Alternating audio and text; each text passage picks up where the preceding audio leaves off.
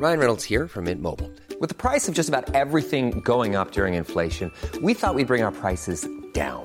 So to help us, we brought in a reverse auctioneer, which is apparently a thing. Mint Mobile unlimited premium wireless. Ready to get 30, 30, bit to get 30, bit to get 20, 20, 20, bit to get 20, 20, bit to get 15, 15, 15, 15 just 15 bucks a month. So, Give it a try at mintmobile.com slash switch. $45 upfront for three months plus taxes and fees. Promo for new customers for limited time. Unlimited more than 40 gigabytes per month. Slows. Full terms at mintmobile.com. Halo pendengar GGMI Podcast, baik lagi bersama kita berdua dan masih dalam proses sakral bursa transfer musim dingin tahun 2023. Kita akan memulai sisa kurang lebih seminggu ke depan dengan rumor yang sedang hangat tapi tiba-tiba bisa surut dengan tiba-tiba yaitu adalah ketika kita dihubungkan dengan satu pemain yang menurut gua ini adalah apa ya bisa dibilang another semen to the stones gitu. Yaitu adalah Yuri Tillmans dan ini dikonfirmasi sama salah satu jurnalis respected jurnalis namanya Thomas Ainsar gitu. Mungkin nggak terkenal kayak Fabrizio tapi banyak orang ngomong dia underrated lah gitu. Nah lo ngelihat rumor yang bers- berputar ya untuk masalah Yuri Tillmans kayak ini seperti apa Vin? Tielemans ini kan sebetulnya udah dihubungkan sama MU udah dari musim lalu di mana Tielemans ini katanya di admire oleh Ten Hag untuk setidaknya lah menggantikan kalau misalnya De Jong itu nggak jadi dan ternyata emang nggak jadi kan gitu. Cuma ternyata Tielemans pun nggak diambil karena memang kita udah beli sampai dua gelandang Casemiro dan juga Erikson. Nah cuma untuk musim ini di bulan Januari terutama gua ngeliat kena gua ngeliat itu kayak membeli Tielemans adalah sebuah urgensi yang berbeda gitu. Dalam arti kayak kita ternyata midfield ini sangat tipis Donny van de Beek cedera kemudian Erikson juga ternyata di atas menit 60 tuh udah kelihatan bahwa dia udah mulai apa ya kelelahan lah. Karena memang mungkin dari kemarin ada insiden kemudian memang faktor usia juga dan dia diharuskan bermain di double pivot. Jadinya mungkin membutuhkan energi lebih dan dia sepertinya nggak sanggup. Sedangkan yang kita tahu juga Scott McTominay ternyata juga udah kelihatan ya top sailingnya ada di mana. Bahkan menggantikan Casemiro pun nggak bisa gitu. Kemudian Fred juga ternyata memang dia ya tipe gelandang yang berbeda lah dari Erikson. Dan kita sangat membutuhkan tipe gelandang kreatif setidaknya gitu untuk mengarungi musim sampai selesai gitu. Jadi menurut gua Tielemans dengan status kontraknya yang benar-benar habis di akhir musim menurut gua kalau kita bisa bluffing dikit nih ke Leicester untuk ya let's say angka-angka apa ya kecil kayak 10 juta lu lu mau 10 juta atau gratis gitu kayaknya gua nggak tahu sih bisa bekerja atau enggak ya Hmm, oke. Dan ini emang menarik ya karena sebenarnya Leicester jangan sampai akhirnya dia got apa someone for nothing gitu kan. Karena gaji dia sekarang pun juga di Leicester juga hitungannya sedang-sedang aja ya. 120 ribu kan per Hmm. pekan gitu. Yang mana kalau kita menggunakan standar MU ya masih masuk lah ketika kita ngasih misalkan ya 140 gitu misalkan. Menurut gue sih dengan posisi tawar MU yang lebih tinggi bermain di liga nantinya ya semoga musim depan liga champion sekarang juga masih main di eh, apa namanya UEFA Eropa gitu kan. Jadi menurut gue ini juga masih tinggi. Plus kita juga masih dalam title race contender ya gitu kan.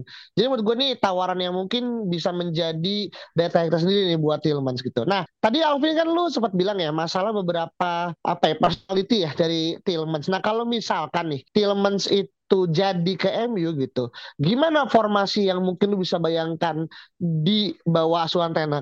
Nah, kalau masalah formasi sebetulnya mungkin agak kurang pas ya gitu karena ternyata formasinya pun dia ada di formasinya Erikson sekarang gitu loh. Dia bisa bermain di double pivot sebagai nomor 8 di sebelahnya let's say Casemiro ataupun kalau di formasi 4-3-3 dia bisa menjadi salah satu pemain nomor 8 di sana gitu. Jadi menurut gua dia cocok cuma masalahnya adalah dia sekarang posisinya tabrakan dengan pemain yang sedang bagus juga di MU yaitu Erikson. Cuma balik lagi, kita tahu bahwa Erikson ini di menit 60-an udah habis. Gue sih kalau misalnya kayak bayangannya di game kan enak ya kayak Erikson mungkin sampai menit 60 kemudian diganti Telemans, kemudian di pertandingan selanjutnya gantian Telemans yang main, menit 60 70 Erikson yang main. Cuma kan ya kita tahu lah nggak segampang itu ya memanage pemain, memanage ekspektasi pemain juga, game time-nya juga di real life gitu. Jadi sepertinya sih nggak akan semudah itu. Cuma kalau misalnya ditanya posisi terbaik, ya sejujurnya adalah di posisi Erikson itu sendiri. Hmm, Dan oke. sebetulnya Erikson pun nanti bisa diproyek, diproyeksikan untuk apa ya? Mungkin ya seperti yang kita pernah bahas di awal musim yaitu sebagai penggantinya atau mungkin backupnya Bruno Fernandes gitu. Jadi Hmm. mungkin aja, mungkin aja ada momen di mana Bruno ini nggak main, tapi yang bermain adalah Casemiro, Telemans dan juga Erikson sekaligus. Oke,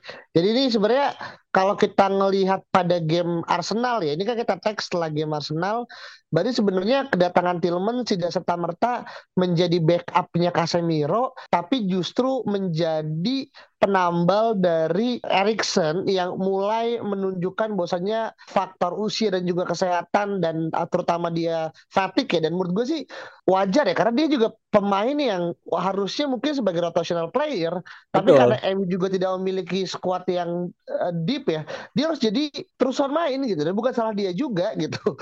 Dan mungkin dia juga bagus dibandingkan sama yang lainnya jadi ya main terus. Tapi konsekuensinya ya tadi gitu masalah tenaga atau masalah stamina lebih tepat yang menjadi permasalahan gitu. Nah kalau kita ngeliat Viv, ini gue lihat dari fbref.com ya ternyata Tillmans itu memiliki better pass completion rate per 90 minutes itu dibandingkan dengan tiga trio midfielder MU Casemiro, Scott McTominay dan juga Fred dikombinasikan dalam satu musim ini gitu kan. Yang mana gue yakin kita tahu lah bagaimana Alex, uh, siapa namanya Tillmans punya kualitas gitu kan. Nanti gue tanya juga ke lu. Nah yang kedua adalah dia ini kan usia masih 25 tahun ya. Dan gue ingat banget dia itu kan pindah dari Monaco uh, ke Leicester tahun 2019 gitu kan. Dengan bandrol di angka 40 40 juta lah 40 juta Iya, pound iya. saat itu gitu kan. Dan sekarang udah berjalan kurang lebih tiga tahun ya gitu dan mencapai uh, masa dia di mana akhirnya harus perpanjang ataupun harus cabut gitu kan.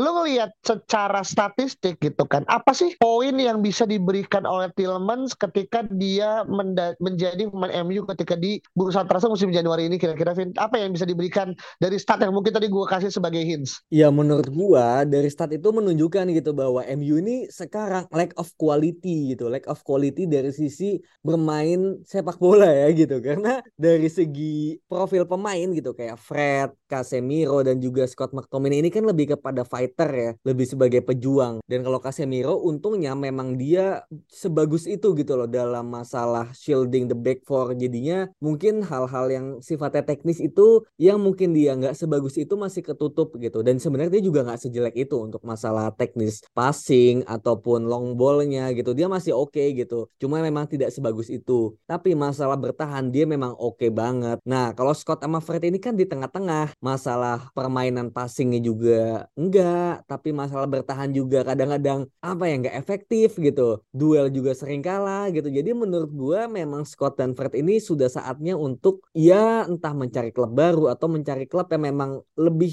pantas untuk pada level mereka gitu loh saat ini. Dan menurut gua dengan adanya Tielemans kita benar-benar akan bermain sepak bola progresif gitu. Yang mana kalau selama ini let's say Erikson ditarik kemudian bermain dengan Fred ya oke gitu. Sometimes lu bermain baik cuma nggak akan konsisten gitu. Tapi ketika ada Tielemans, menurut gua kemungkinan untuk bermain progresif dan juga passing-passing akurat, bermain pendek dari belakang kemudian ke depan itu akan jauh lebih terbuka kemungkinannya gitu. Karena memang high volume passer mereka ini Tielemans, Erikson, Bruno Fernandes kemudian ditambah dengan killer passnya gitu. Jadi ketika ingin bermain possession, ya kita sangat harus memiliki pemain seperti ini gitu loh. Ya let's say ada Casemiro, ada Tielemans, ada Erikson. Kita bisa mungkin membangun kembali zaman di Real Madrid gitu. Di mana ada Casemiro, ada Toni Kroos dan juga ada Luka Modric gitu ya. Ya memang apa ya kualitasnya berbeda gitu. Cuma untuk arketipenya menurut gue tuh mirip gitu karena dua-duanya Erikson dan juga Tielemans, kemudian Kroos dan uh, siapa Modric itu juga adalah sama-sama high volume passer juga gitu yang bisa ngediktate permainan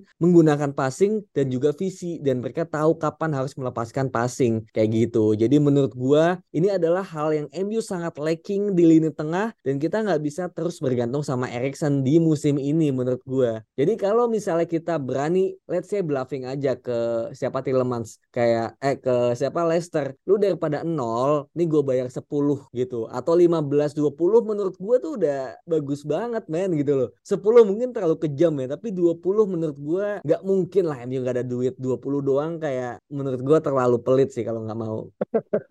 20 itu setengah harga loh ya. Itu Benar. bagus banget sebenarnya gitu. Makanya iya. Tapi gini, hmm, tapi bener ya, maksudnya gini, dan dan gue satu hal yang gue akuin keunggulannya Tillmans itu adalah goal threat di final threat final threat-nya uh, gawang lawan gitu. Yang mana dia itu mencapai angka 53 gol dalam 183 penampilan untuk Leicester gitu.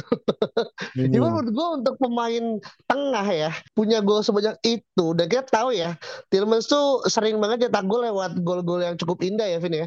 Dari dari dalam arti entah dia akhirnya melakukan apa namanya free kick ya, free kick pass gitu atau mungkin dia melakukan ya one shot shooting aja gitu gitu kan. Dan menurut gue gue itu yang uh, sekarang mungkin lebih banyak diambil sama kayak kemarin pas uh, Rashford ya gitu yang pas Arsenal dia akhirnya ngelakuin dribbling sendiri dan apa langsung shoot dari uh, samping terus masuk ke tengah gitu. Tapi punya Tillmans dia adalah punya opsi lainnya kalau misalkan ya deadlock di depan ya kita bisa mencoba syuting dari luar kotak penalti. Itu yang akhirnya kan juga dilakukan sama tim-tim kayak Arsenal dan juga City gitu kan yang mana pemain tengahnya juga cukup aktif dalam memberikan threat untuk kepada uh, depan tidak hanya sebagai penyu, penyuplai bola tapi juga sebagai pendulang gol juga. Kita tahu udah ada Gundogan gitu kan di City gitu kan di Arsenal juga bagaimana akhirnya Saka dan juga uh, siapa namanya Odegaard yang sekarang juga sangat aktif banget mencetak gol gitu. Jadi menurut gue ini adalah additional yang bagus gitu. Meskipun gue juga baca kita juga mendapatkan yang namanya uh, persaingan dari Arsenal juga. Nah, nah ini gimana nih kalau untuk ngomongin masalah persaingan Duh. dengan tim lain yang kita dapetin Tillman Steven? Wah kalau Arsenal juga menurut gue kalau misalnya dia nawar ya ya gimana ya gue jadi Tillman juga bingung. Satu sisi yang Arsenal mungkin udah mau juara, cuma untuk MU juga mungkin adalah klub yang sangat besar gitu loh dibandingkan oleh Arsenal gitu. Jadi menurut gue ini akan membingungkan dan pada akhirnya mungkin akan ditentukan oleh hal-hal apa ya mungkin sentimen atau mungkin dari influence dari agennya juga gitu. Jadi menurut gue Arsenal adalah kandidat yang bagus juga gitu loh untuk dipilih karena kalau kita lihat let's say gitu Granit Xhaka juga udah mulai menua nggak mungkin main terus. Jadi memang butuh tambahan gelandang nomor 8 juga gitu loh. Dan bayangkan kalau ada Tillemans dan ada Odegaard dalam satu gelandang gitu loh satu apa ya lini penyerangan itu ngeri banget men gitu loh. Itu sangat-sangat bisa menantang juara, lihat saya juara musim ini. Musim depan bisa sangat kuat gitu loh dengan adanya Tillemans itu. Optionnya bakal sangat besar untuk pada akhirnya bisa bermain dengan makin bagus lagi gitu. Karena Tillemans ini sangat cocok juga untuk Arsenal gitu loh sejujurnya gitu. Dan menurut gue jangan sampai gitu loh Tillmans ini pindah ke sana gitu. Karena kalau pindah ke sana kayak wah berat sih ini gitu. Jadi menurut gue chance dia untuk ke MU dan Arsenal ini lebih kepada siapa yang memberikan bid aja sih. Dan hmm. tak kenapa gue ya gue lebih yakin Arsenal yang make a bid sih daripada MU iya iya. Karena kita di musim ini kan baru keluar 3 juta pounds ya. Ya di Januari iya, memang ya, ya. Tapi kalau Arsenal tuh gue mikirnya lebih ke ngambilnya di summer nanti sih, karena kan Arsenal juga udah belanja lumayan ya di oh, iya. Ya iya, di, iya. di Januari ini kan udah Trossard 20 sama Kiwior berapa mungkin 10 juta 15 juta gitu. Jadi untuk Januari sih Arsenal udah lumayan. Jadi mungkin mereka mending yang nol gitu dan kalau udah nol free transfer kan udah berat nih ya, udah lebih kepada down to the players itself apa iya. himself gitu loh. Jadi daripada itu mending kita make a bid sekarang gitu ketika nggak ada yang mau. Kita hmm. sedikit berkorban let's say 15 20 juta tapi kita dapat servisnya gitu. Sedangkan free hmm. agent tapi persaingannya tuh dengan semua semua tim karena dia bebas memilih gitu. Hmm, iya iya iya. Nah ini jadi suatu apa ya no man's land lah kalau misalnya nanti udah masuk ke bursa transfer musim panas ya karena uh, gue cukup yakin Tillman juga tidak akan melakukan sudden move ya dengan akhirnya tanda kontrak ya. Iya, dengan iya. timnya gitu kan kayak dan sekarang juga tahu ya bagaimana Leicester juga meskipun sudah naik ya beberapa sempat menang juga gitu kan tapi di beberapa pertandingan juga drop gitu kan entah seri lah entah kalah lah gitu ya. Mana mungkin kalau misalkan tren ini terus jadi negatif gitu kan dan ada chance tuh akhirnya Leicester kemudian bisa degradasi yang menurut gue sih lebih baik akhirnya pindah sekarang gitu. Setidaknya lo nggak menemukan momen di mana ke di akhir musim lo harus berpisah dengan tim lo bukannya secara goodbye as in kepada teammates tapi goodbye juga kepada fans yang akhirnya harus menonton di kasa kedua gitu kan. Ini kan juga jadi hmm. satu eh, apa ya pembelajaran lah ya supaya akhirnya decision making dan juga timingnya juga tepat gitu kan. Dan terakhir gue sangat highly rated uh, Tillmans ya. Uh, dan dia adalah tipe pemain yang menurut gue kayak nggak banyak orang mencoba untuk grab uh, his attention tapi dia definitely pasti punya kelas dan juga punya potensi apalagi di bawah Erik Ten Hag ataupun manajer yang tepat menurut gue he can be one of the best lah gitu apalagi usia masih 25 assuming dia bisa sampai angka 30 31 ya kita kalaupun ke MU ya kita masih bisa mendapatkan jasa enam tahun ke depan dengan service kualitas yang eh, ya sama bagusnya antara squad ataupun rotational player gitu ditambah dengan kita mungkin akan ngebuat bid for another midfielder ya di summer hmm. dan gue sih yakin entah itu Enzo ke entah itu mungkin Frankie tapi adanya Tillmans tuh akan menambah value edit gitu. Dan satu lagi ya dia kan juga pernah mendapatkan suatu predikat kan sebagai one of the Europe top midfielders dari Foxes Shift Brandon Rogers gitu. Jadi kayak dia tuh udah dapat segalanya lah dari apa yang mungkin dia mungkin dapatkan. Dan dia kan datang di raja Brandon Rogers juga kan saat itu ya ketika hmm. di apa masih di Thailand gak sih itu uh, ininya apa pemiliknya ya ownernya kan. Ya, ya, ya. Dan sebelum akan dipecat gitu. Tapi menurut gue sih Pilmans kalau misalkan gue misalnya kalau dulu ya. Tapi gue sekarang mau jawab gue berharap secara ekspektasi di angka 10 walaupun kenyataan mungkin nggak segitu kalau di angka berapa? Ya menurut gue gue nggak yakin sih MU make a beat di Januari gitu. Cuma apa ya kayak gue nggak tahu juga apakah Ten Hag benar-benar tahu bahwa isu midfield ini bisa killing kita gitu bisa membunuh kita di musim ini gitu loh. Kayak bahkan cancak empat besar pun bisa hilang ketika let's say misal ternyata ada something happen with Erikson yang menurut gue udah wah berat sih gitu kayak masa kita balik lagi dengan Fred gitu kan. Jadi menurut gue kalau memang Ten Hag sangat melihat ini adalah isu dan dia menekan board mungkin gitu mungkin mungkin bisa ada something gitu keajaiban gitu. Cuma gue lebih ke nggak yakin sih gitu. Jadi kalau ditanya apakah bisa kalau misalnya make a beat bisa tapi apakah bakal make a beat? Nah itu menurut gue kemungkinan cuma satu dari sepuluh sih. Hmm, jadi lebih kepada kayak mau dan juga apa ya maksudnya lu interest satu hal tapi willingness to make a itu hal yang berbeda gitu. Iya. Iya iya Iya kan? Dan kebiasaan MU apalagi dengan dengan gonjang-ganjing penjualan dan gue cukup yakin as an owner lu udah ngerasa kayak udah gue pengen cabut aja deh gitu. Gue udah gak pengen peduli lagi dan udah berat kalau kayak gitu kan. Jadi iya, kayak yeah, yeah. lu berharap owner lu akhirnya peduli tapi dia juga akhirnya mencoba untuk surviving himself gitu. Jadi ya nggak pernah ketemu aja dan kalaupun akhirnya Ten Hag nggak dapat siapa pun ya selain dari Weghorst juga Batland dan dia bisa ngasih juara misalkan minimal satu ataupun maksimal dua ya dari apa yang gue bisa lihat sih itu menurut gue udah memang jeniusnya dia aja sih. Iya iya betul betul. Iya kan? Emang udah saya emang kita benar apa namanya mendapatkan suatu keberkahan dari seorang yang memang udah harusnya dari zaman era post Fergie dia udah muncul sebagai savior kita gitu. Tapi ya udahlah ya kita nggak bicara itu di episode kali ini. Dan kalau mungkin teman-teman punya pendapat berbeda tentang Jude Tillmans atau mungkin teman-teman ngerasa apa yang saya aku uh, gue sama Alvin sampaikan mungkin terlalu bluffing atau kita jadi kayak semacam kayak agenda Tillmans banget silahkan langsung balas reply kita di Twitter at Podcast dan kita ketemu lagi pada episode berikut ya bye bye Imagine the softest sheets you've ever felt. Now imagine them getting even softer over time. That's what you'll feel with Bowl and Branch's organic cotton sheets. In a recent customer survey, 96% replied that Bowl and Branch sheets get softer with every wash. Start getting your best night's sleep in these sheets that get softer and softer for years to come. Try their sheets with a 30-night guarantee. Plus, get 15% off your first order at bowlandbranch.com. Code BUTTERY. Exclusions apply. See site for details.